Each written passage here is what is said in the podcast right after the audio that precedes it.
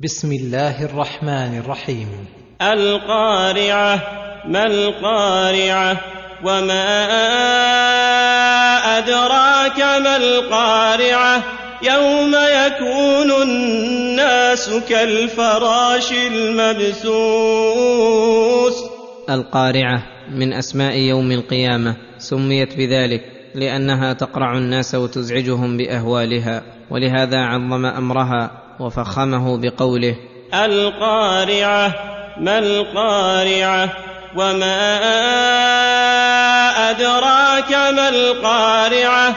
يوم يكون الناس كالفراش المبثوث. يوم يكون الناس من شدة الفزع والهول. كالفراش المبثوث. أي كالجراد المنتشر الذي يموج بعضه في بعض. والفراش هي الحيوانات التي تكون في الليل يموج بعضها ببعض لا تدري أين توجه فإذا أوقد لها نار تهافتت إليها لضعف إدراكها فهذه حال الناس أهل العقول. وتكون الجبال كالعهن المنفوش. وأما الجبال الصم الصلاب فتكون كالعهن المنفوش أي كالصوف المنفوش الذي بقي ضعيفا جدا تطير به أدنى ريح. قال تعالى وترى الجبال تحسبها جامدة وهي تمر مر السحاب. ثم بعد ذلك تكون هباء منثورا فتضمحل ولا يبقى منها شيء يشاهد.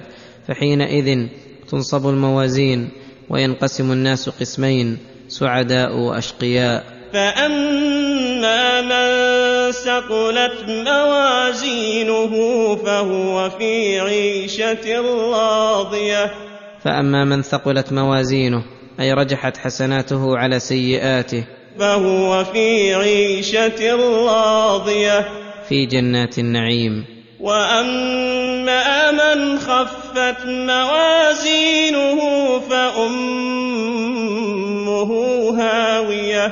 وأما من خفت موازينه بأن لم تكن له حسنات تقاوم سيئاته. فأمه هاوية.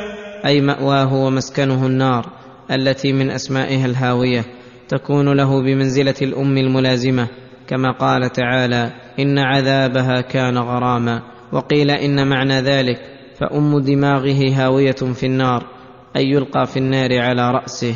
وما أدراك ما هي نار حامية. وهذا تعظيم لأمرها ثم فسرها بقوله نار حامية.